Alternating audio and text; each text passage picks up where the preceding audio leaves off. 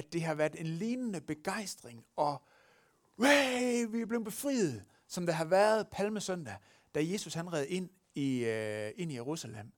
Nu kommer ham, som besejrer fjenderne. Nu kommer ham, som vi har ventet på. Og de har ikke stået med Dannebro, men de tog palmegrenene af og viftede med dem, og var simpelthen fyldt af sejrsglæde over det, der skete nu her. Og en ting, som man også gjorde dengang, det var, at man tog sin øh, overfrakke af, sin jakke eller sin kappe, og så lagde den ned, sådan at øh, sejrherren kunne øh, spacere eller ride hen over det. Det har simpelthen været en sejrsfest, uden lige det har været, og der var masser af folk i Jerusalem på det her tidspunkt, for det var lige op til påskefesten, hvor det meste af Israel var forsamlet. Og det har været en kæmpe fest. Var Jesus befrieren? Ja, det var han. Var der grund til fest og taknemmelighed? Ja, det var der. Men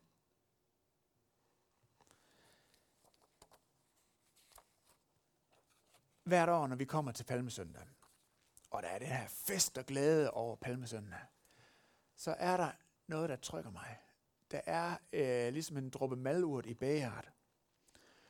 Og det er bevidstheden om, at den her skare, som var så ovenud fyldt af taknemmelighed palmesøndag, og råbte og skreg, Jesus, du er bare Guds kæmpe velsignelse til, til os. Du er simpelthen Guds gave til os. Du skal være vores konge og alt muligt.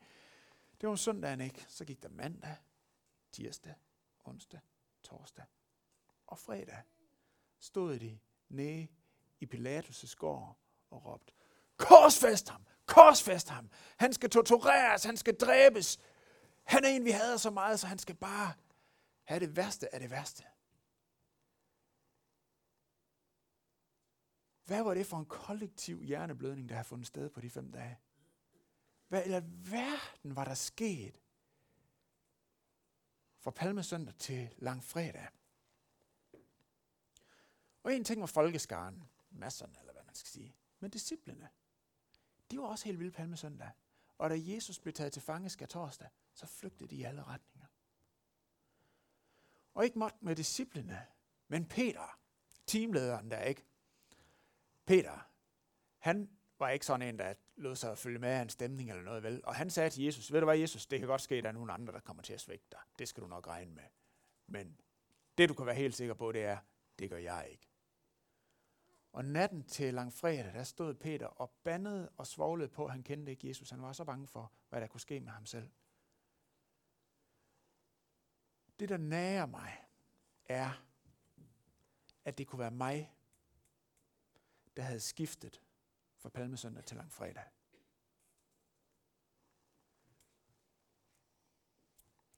Hvilken skrøbelig glæde palmesøndag. Og jeg stiller mig selv spørgsmålet, hvorfor var deres glæde så skrøbelig? Og spørgsmålet, som vi vil arbejde med i dag, er, hvor finder vi en robust påskeglæde? Og det er det, prædiketeksten til i dag handler om. Den er fra Johannes evangeliet, øh, kapitel 12. Og det lyder sådan her. Seks dage før påske kom Jesus til Betania, hvor Lazarus boede han som Jesus havde oprejst fra de døde. Der holdt de et festmåltid for Jesus. Martha sørgede for maden, og Lazarus var en af dem, der sad til bord sammen med ham. Maria tog et pund ægte, meget kostbar nardusolie og salvede Jesu fødder og tørrede dem med sit hår. Og huset fyldtes af duften fra den vellugtende olie. Judas Iskariot, en af Jesu disciple, han som skulle forråde ham, sagde da, hvorfor er denne olie blevet, ikke, hvorfor den olie ikke blev solgt for 300 denarer og givet til de fattige? Det lød meget pænt, ikke? Men det sagde han ikke, fordi han brød sig om de fattige, men fordi han var en tyv. Han var nemlig den, der stod for pengekassen, og han stak noget til side af det, der blev lagt i den. Der sagde Jesus, lad hende være, så hun kan gemme den til den dag, jeg begraves.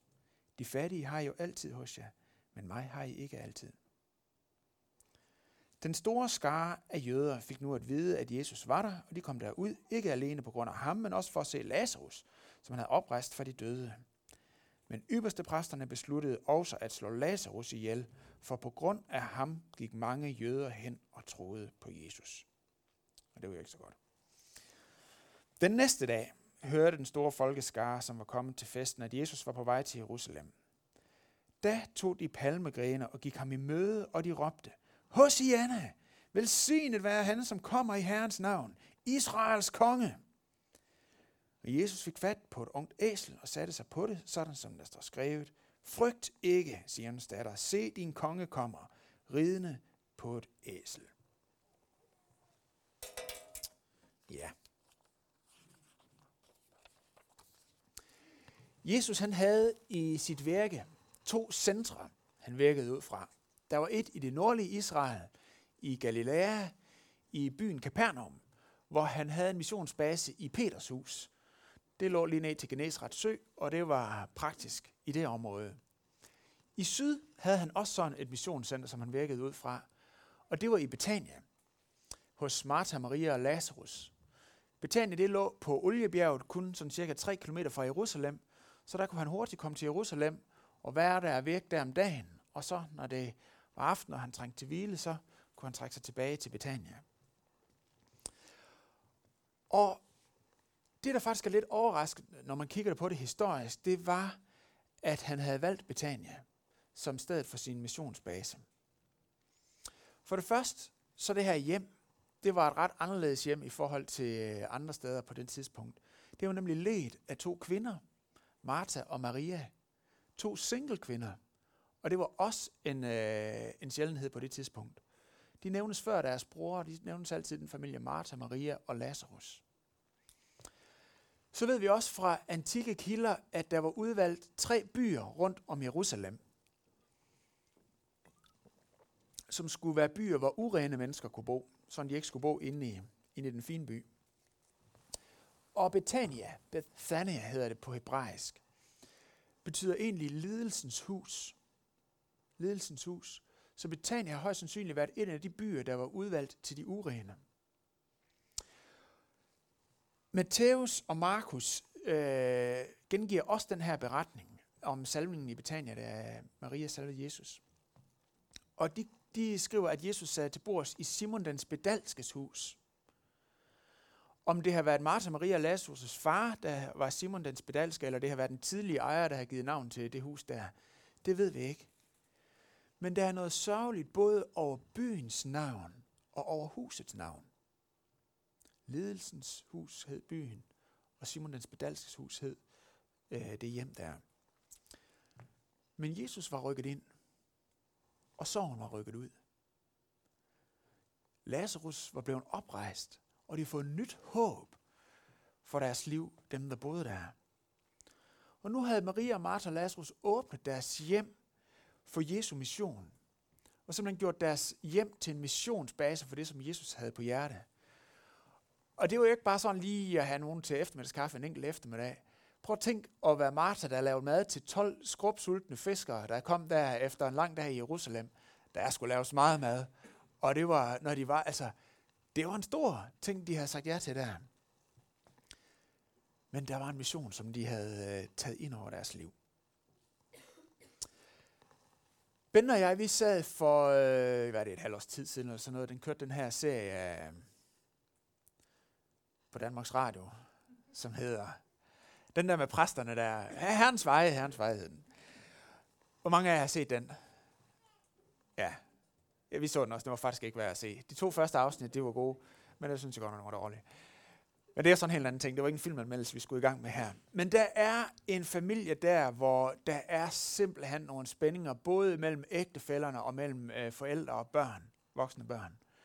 Og på et tidspunkt, så, øh, så skal der holdes en fødselsdag, og der blev lavet mad, og der blev lavet, øh, der var god vin på bordet. Og man tænker bare, åh, bare det lykkes, bare det bliver et godt måltid, fordi der er simpelthen så meget, mange spændinger her, og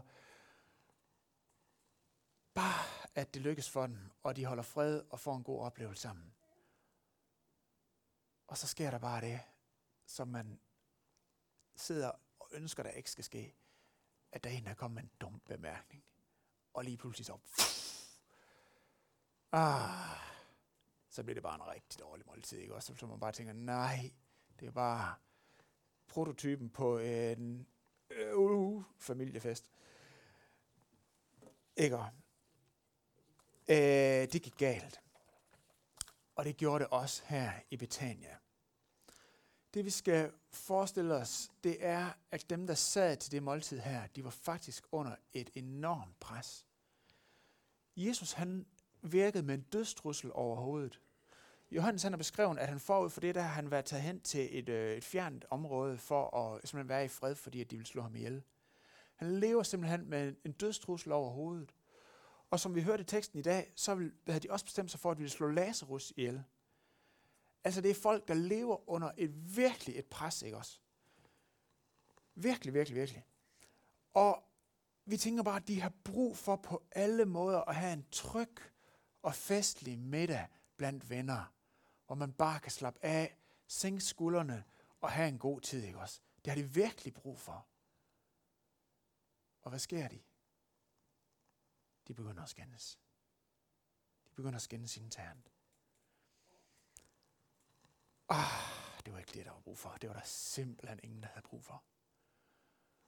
Og Johannes han fremhæver særligt to personer, som tydeligt gør en pointe, vi skal prøve at se på. Han fremhæver Judas og Maria. Vi vil først prøve at kigge på Maria.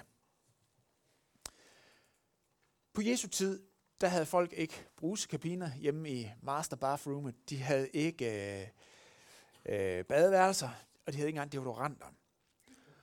Og øh, dertil kom, at øh, det var meget varmt, og mange havde fysisk arbejde, og var man kommet et sted hen, så har man gået på vejen. Man har ikke siddet i en bil med aircondition. Og det betød, at øh, til sådan en fest her, så havde alle sin distinkte duft omkring sig. Så man kunne kende folk på. Det var også meget rart, hvis man var blind, tænker jeg. Men det betød også, at når man var mange samlet i et lokale, så var der en bestemt aroma i det lokale også, som kunne sætte sin begrænsning på festlighederne. Og derfor var det normalt til fester, at verden kom med en øh, parfumeret olie og øh, hældte noget ud og, og, og salvede øh, gæsterne med olie i håret. En lille dub på hånden, og så dyt, dyt, dyt. Så var der en god aroma, og så kunne man bedre snakke med hinanden og slappe af med øh, festen. Det er sådan ligesom vi børster tænder, ikke også? Skal jeg forestille jer. Øh, Maria, hun gør noget til den her fest, som får disciplene til at konkludere, at hun er fuldstændig ude af proportioner med det, som er både normalt og rimeligt og, og, og øh, fornuftigt. Men Jesus konkluderer, at det her det er perfekt proportioneret. Hun kommer med sådan en krukke meget, meget, meget kostbar nardusolie. Og der står, at den har præsenteret en værdi på 300 denar. Det vil i købekraft i dag svare til en 300-400.000. Og på det tidspunkt var det altså ikke normalt, at man havde sådan en opsparet øh, ting. Og øh, nogen gætter på, at det er fordi, at de har simpelthen været så kendt med sygdom her, så de har sparet op. Hvad nu, hvis vi bliver uarbejdsdygtige? Hvad kan vi så gøre? Så det har simpelthen været familiens formue, deres tryghed, deres sikkerhed. Det som man vidste, hvis alt går galt, så har vi den her krogenardosolie, der kan sælges for 300 denar. Og hun er kommet med den. Og man kan forestille sig, at gæsterne har sagt, wow, hun kom med den rigtig fine olie. Det er meget æresfuldt at få et lille dub af den op i håret. Det var virkelig noget, der ville øh, hæve øh, festens... Øh, ikke også? Men Maria, hun gør det, hun tager ikke bare proppen af, men hun bryder den. De har sådan meget øh, slank hals, de her krukker. Hun bryder krukken, og så begynder hun at hælde ud over Jesus. Og disciplen, de siger, hey, hvad sker der? Det er fuldstændig ude af proportioner, det der. Johannes han fremhæver øh, Judas, men Matthæus og Markus siger, at alle disciplerne gør sig til at knurre. Mm. Fuldstændig ud af proportioner. Det Maria, hun siger med den her handling, når hun bryder krukken, det er, Jesus, jeg vil give dig alt. Jeg vil give dig ubetinget alt. Du har ubetinget råderet over mine ressourcer. Der er en gammel engelsk salme, som formulerer det på den her måde. Take my silver and my, and my gold, not a mite what I withhold. Der er ingenting, jeg vil holde tilbage for dig, Jesus. Men det kan blive værre end endnu. der er en anden ting, som også er ude af proportioner.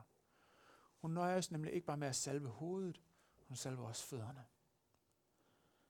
Og fødderne i Israel, det blev simpelthen anset for at være urent. Ingen vil røre ved andres fødder. Der var en rabbinsk lov på det her tidspunkt, som sagde noget om jødisk slavers rettigheder. Og når vi taler om slaver i Israel, så skal vi ikke forestille os ligesom i sydstaterne Amerika. Det var fordi, man havde ikke ribers på det her tidspunkt, så hvis man kom i gæld, så blev man, øh, ja, så skulle man arbejde gælden af. Så det var sådan set en form for tvungen arbejde, når man var slave. Man havde ikke, det var ikke sådan med pisker i den dur der. Men en af de rettigheder, man så havde som slave, ifølge rabbinsk lov, det var, at ingen herre ville kunne bede sin slave om at løse sine sandaler. Det var simpelthen for nedværdigende arbejde for en slave. Det øh, skulle man røre ved fødderne. Og Maria, hun begynder at salve Jesu fødder. Og med det så siger hun, Jesus, jeg giver også slip på mine rettigheder. Jeg giver slip på det, som jeg vil kunne forlange. I den engelske salme, der lyder det, Take my will and make it thine. It shall be no longer mine. Det var helt ude af proportioner. Men ikke nok med, at hun bryder krogen, hun går til fødderne. Det værste var, at hun slog håret ud. Altså løste det opsatte hår og tog tørklædet af. Det var noget, kvinder gjorde hjemme i soveværelset. Det er en stærk, erotisk og meget intim handling, hun gør der. Det er kun noget, som prostituerede gjorde i offentlighed. Rabbinerne sagde, at hvis en mand havde en kone, der slog hårdt ud i offentlighed, så var det simpelthen sådan en skandale, så han med rimelighed kunne forlange skilsmisse. Så det Maria, hun viser med det her, det er en dyb, dyb åbenhed og intimitet over for Jesus. Hun siger, du har ikke kun råderet over, hvad jeg ejer. Du har ikke kun råderet over min vilje og min lydighed. Du har også råderet over mit hjerte.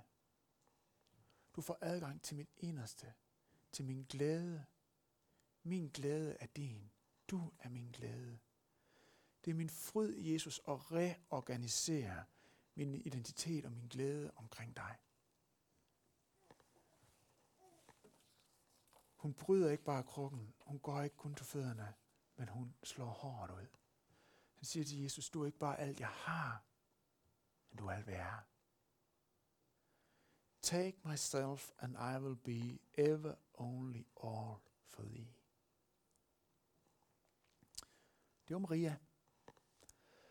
Så var der Judas. han var kasserer. Det var en betroet tjeneste i discipleflokken. Han stod for økonomien og sørgede for, at der var råd til mad, når vi skulle købe det og sådan nogle ting. Og Judas er faktisk, som vi skal se på, en person, som på det her tidspunkt ville have været omgært med meget anseelse. Vi kender ham, fordi at vi kender evangeliet, hvordan det er gået, og vi kan se tilbage i evangeliets øh, tilbageblik og sådan nogle ting. Men Judas er faktisk en person, der er kendetegnet ved religiøsitet. Stærk religiøsitet også. Han vil gerne være disciple på ydersiden, men han vil ikke have Jesus som herre. Han foregiver at tænke på de fattige, og det var jo fint nok. Men det var ikke det, han egentlig ville. Han ville have pengene i kassen, så han kunne stjæle dem og bruge dem til sig selv. Matthæus og Markus de nævner i deres beskrivelse, at alle øh, blev vrede på Maria. Men Johannes zoomer ind på Judas for at tydeligt gøre det, at der over for Jesus, så er der grundlæggende kun to muligheder. Enten så vil man sælge Jesus, ligesom Judas gjorde, sælge ham for 30 sølvpenge, men sælge Jesus for at gøre brug af ham. Eller også er man helt solgt til Jesus. Han har givet sig selv. Og lad ham gøre brug af en. Lad sig bruge af Gud. Religiøsitet er der, hvor vi ønsker at bruge Gud til mit formål. Gud, nu opfører jeg mig på den her måde, så skal du gøre sådan med mig. Nu gør jeg det for dig, så skal du øh, velsigne mig og give mig et godt liv. Nu beder jeg til dig, så skal du svare på min bøn. Vi laver en handel.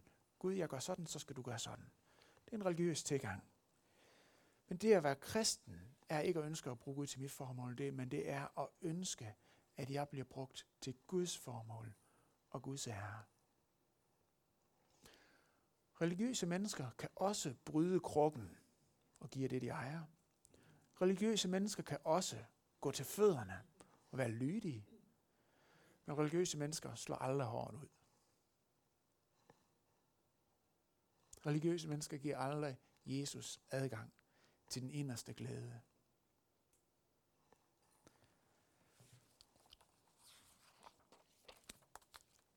Det kan blandt andet komme til udtryk i vores bønsliv. Religiøse bedere. Herre, hjælp mig med det. Hjælp mig med det. Lad det her lykkes.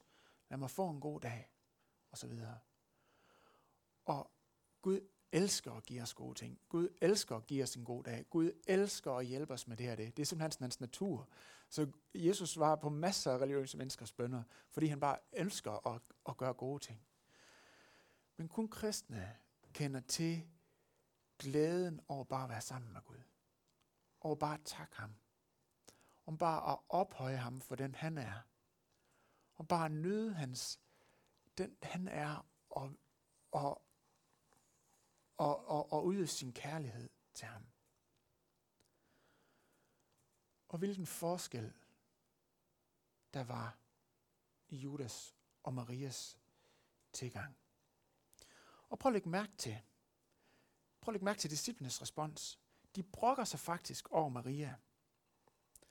Mens at de på det her tidspunkt er overbevist om, at Judas han er meget velmenende. Der står faktisk i Johannes evangeliet, øh, kapitel 13, vers 29, da Judas han går og skal torsdag aften for at forråde Jesus, der siger disciplene til hinanden, når man han nok gået ud for at give noget til de fattige. De tror stadigvæk, det er det, der er hans, øh, hans drive. Judas' fromme facade, den er totalt intakt. De vurderer meget forskellige. Men det ender meget forskelligt for de to. I Matthæus og Markus evangeliet, der siger Jesus, det som Maria har gjort her, skal fortælles om hende alle steder, hvor evangeliet kommer frem, og hun skal æres for det. Men der står om Judas, han gik hen og hængte sig, og han styrtede ned, og hans indvolde splattede ud imod klipperne. Det er en af de steder i Bibelen, der ikke er for børn.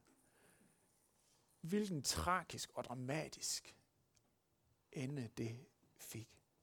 Der er en kæmpe forskel på Judas' spiritualitet og på Marias spiritualitet. Okay, lad os tage en opsummering. Indtil nu har jeg kun skitseret en problemstilling. En skrøbelig påskeglæde i Judas' selvkredsende religiøsitet og en robust påskeglæde i Marias tillidsfulde kristentro. Men hvis religiøsitet ikke er løsningen på problemet, hvis det ikke er religiøsitet, der giver en robust påskeglæde, hvordan, hvad, hvad er det så? Hvordan går man fra en Judas-tro til en Maria-tro, en Maria-tro med en robust påskeglæde. Svaret på det er korset. Maria, hun vidste, at Jesus skulle begraves. Jesus siger til hende, da hun har salvet ham, lad hende være, så hun kan gemme den til min begravelse. Det er faktisk ikke den bedste oversættelse af det, en øh, mere øh, direkte oversættelse er, lad hende være, for hun har gemt den til den dag, jeg begraves. Hvor vidste Maria fra, at Jesus han skulle begraves? Ja, alle fire evangelier, de gengiver, hvordan Jesus havde forudsagt, at han skulle øh, lide, slås ihjel og opstå igen. Men alle evangelier beskriver også, at disciplene, de fattede ikke, hvad der skulle ske. De, øh, det, det, det forstår vi simpelthen ikke. Øh, og selvom det beskrives, at Maria hun sad og lyttede ved Jesu fødder, så vil det som forklaring i bedste fald være et gæt. Jeg tror, vi skal kigge på den tekst, som vi har foran os her i Johannes evangeliet, for at få svaret på det. Og lige før det tekst, som jeg læste op her, der står der om, hvordan at øh, Jesus i kapitel 11 havde oprejst Lazarus, Marias bror. Og så står der i kapitel 11, vers 45 og fremad. Mange af de jøder, som havde været med hos Maria og set, hvad Jesus havde gjort, kom til tro på ham. Altså mange af de venner, som Maria og, som var ude at sørge med Maria og Martha og Lazarus, de havde set, at Jesus havde opvækket Lazarus og var kommet til tro på ham. Men nogle af dem gik til farisæerne og fortalte dem, hvad Jesus havde gjort. Fra den dag af var de besluttet på at slå Jesus ihjel. Så nogle af Maria og Marthas venner havde gået til Jesus og sagt, han har oprejst uh, Lazarus, og derfor vil de slå ham ihjel. Så Maria har vidst, at nogle af deres venner har medvirket til, at farisæerne ville dræbe Jesus. Så hun har set, hvad det har kostet for Jesus at opvække hendes bror. Hun har set, at den eneste måde, at Jesus kunne afblæse Lazarus' begravelse, var ved at arrangere sin egen. Den eneste måde, han kunne oprejse sine bror, hendes bror var ved at begrave sig selv. Den eneste måde, Jesus kan give os liv, er ved at give sit eget liv. Maria, hun vidste, at korset var nødvendigt for, at hun og Lazarus og dig og mig kunne blive reddet. Hun vidste, at det var kærlighed til hende og til hendes bror og til alle. Og Maria, hun har derfor beundret og betragtet Jesu selvopoffrende kærlighed, som disciplen ikke havde forstået endnu på det her tidspunkt. Og jeg beundrer det og betragter det. Og hendes kær, eller hans kærlighed har smeltet hendes kærlighed. Hun vidste, at det, der skete på korset, det skete af kærlighed til hende. Da jeg var barn, der havde mine øh, forældre et bånd.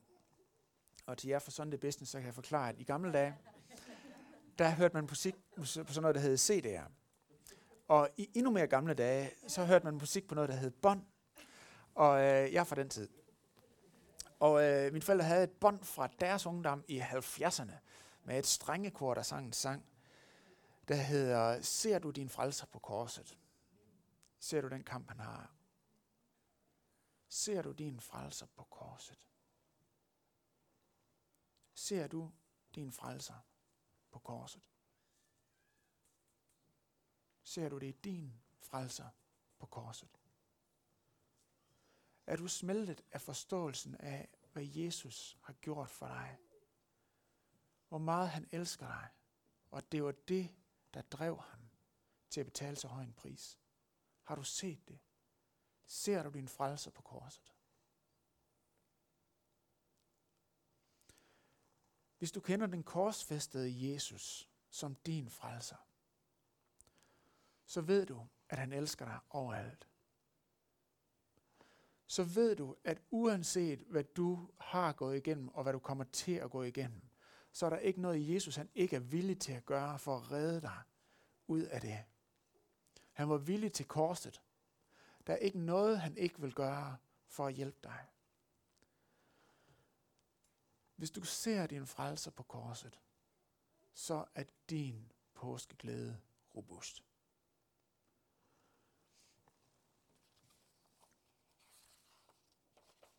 Forvandlingen fra en judastro til en mariatro kommer ved evangeliet om Jesus, der giver sit liv på korset. En Judas vil aldrig indrømme, at man har brug for Jesus. Vil hellere klare det selv. Jeg har ikke tillid til, at Jesus vil forsørge mig, så stjæler jeg lidt af kassen. En Judas vil aldrig åbne sit inderste for Jesu kærlighed og lade sig bruge af Jesus, men ønsker bare at bruge Jesus til at løse fortløbende problemer, der måtte komme. Og så var det fint nok. Men Maria, hun åbnede til sit inderste. Hendes glæde var Jesus. Hun så sin frelser på korset. Hun vidste i hvert fald, at han skulle begraves, og vidste hvorfor. Tag i dag en beslutning. Tag i dag en beslutning om, at du vil være åben over for ham. At du vil give alt til ham, som åbnede sig helt for dig og gav sit liv på korset. Det giver en robust påskeglæde.